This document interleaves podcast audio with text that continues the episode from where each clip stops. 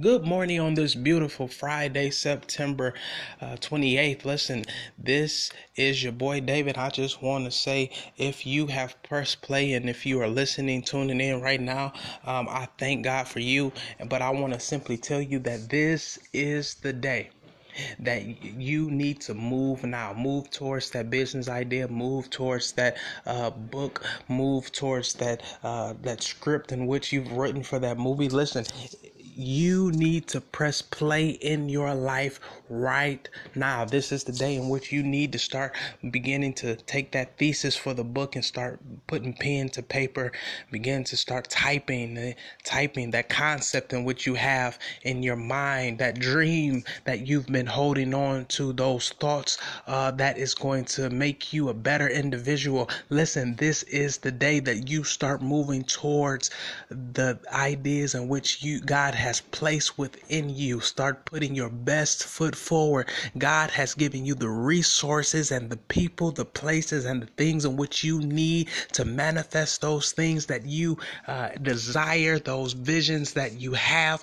This is the day that you press play. Listen, do not keep yourself back. The hardest thing for you to deal with or face is the the risk that you do not take. Listen, I'm gonna say it again. The the toughest reality that one takes it's the risk that they do not take. That means that you have an idea, you have a dream, you have an effort, you have a thought, you have a thesis for a book, you have a script for a, a play or a movie, you have all of these creative and uh, innovative ideas, but you never take the risk, you never take the effort, you never take the step forward that is going to push you to where you need to be. Listen, God has given you something and He has given given you everything that you need, but you have to begin to move forward.